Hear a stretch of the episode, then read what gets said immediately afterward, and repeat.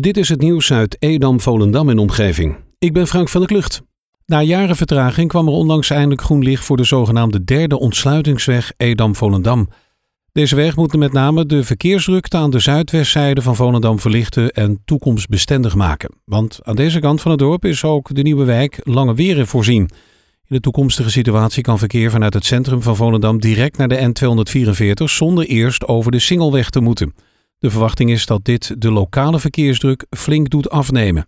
Het beeldkwaliteitsplan dat voor deze weg is opgesteld gaat zoveel mogelijk uit van de bestaande landschappelijke structuur.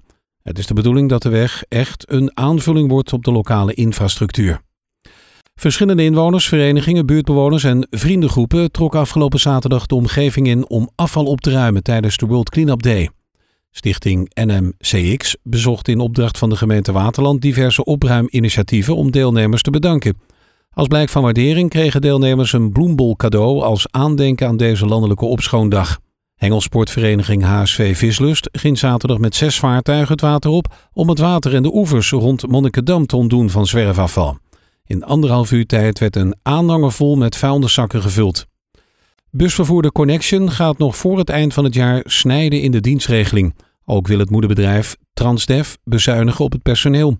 Reizigers zullen zeker de gevolgen merken van de bezuinigingen bij het vervoersbedrijf, dat verantwoordelijk is voor een groot deel van het openbaar vervoer in Noord-Holland.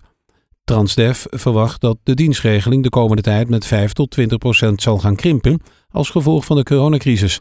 Waar en wanneer bussen minder gaan rijden is nog niet helemaal duidelijk. Hiervoor moet het vervoersbedrijf nog in gesprek gaan met de provincie en de vervoerregio Amsterdam. Een aantal keer dat tunnels in Noord-Holland worden afgesloten vanwege te hoge vrachtwagens blijft onverminderd groot.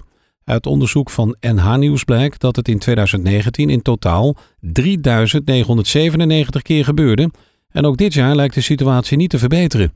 Beboet worden chauffeurs zelden, vooral omdat hun vrachtwagens bij nametingen meestal niet te hoog blijken te zijn, maar dat een opbollend doek de oorzaak is.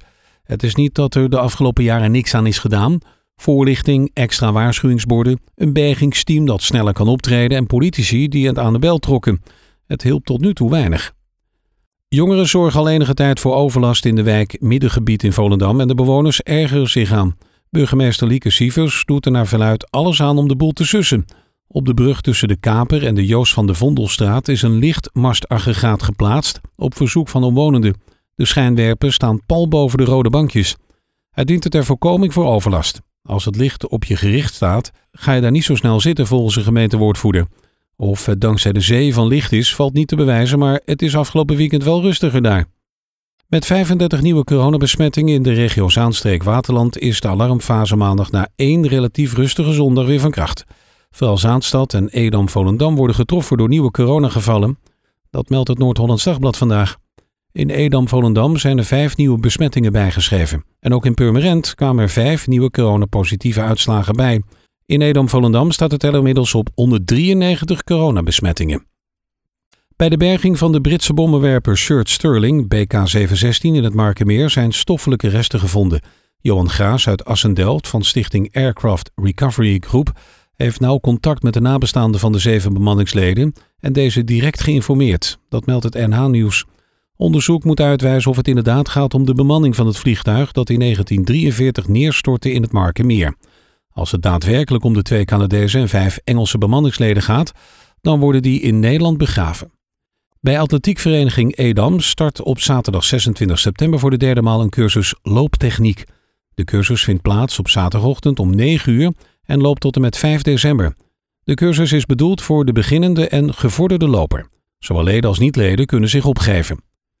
Pakhuis De Kaashandel aan de Voorhaven in Edam krijgt per 1 januari 2021 een nieuwe bestemming. Diverse ondernemers gaan er samenwerken. Al komt er op de begane grond een winkel. En die winkel wordt een mix van interieurartikelen, originele cadeaus en vinyl. Een initiatief van muziekprogrammeur Frank van den Berg. Naast vinyl zullen er ook kwalitatief goede draaitafels worden verkocht en wordt er een koffiehoek ingericht. De eerste etage wordt deels in gebruik genomen als winkel, maar zal vooral gaan fungeren als kantoorruimte voor de Stadskrant en uitgeverij De Stad. Tot zover het nieuws uit Edam, Volendam en omgeving. Meer lokaal nieuws vindt u op de Love Kabelkrant, onze website of in de app.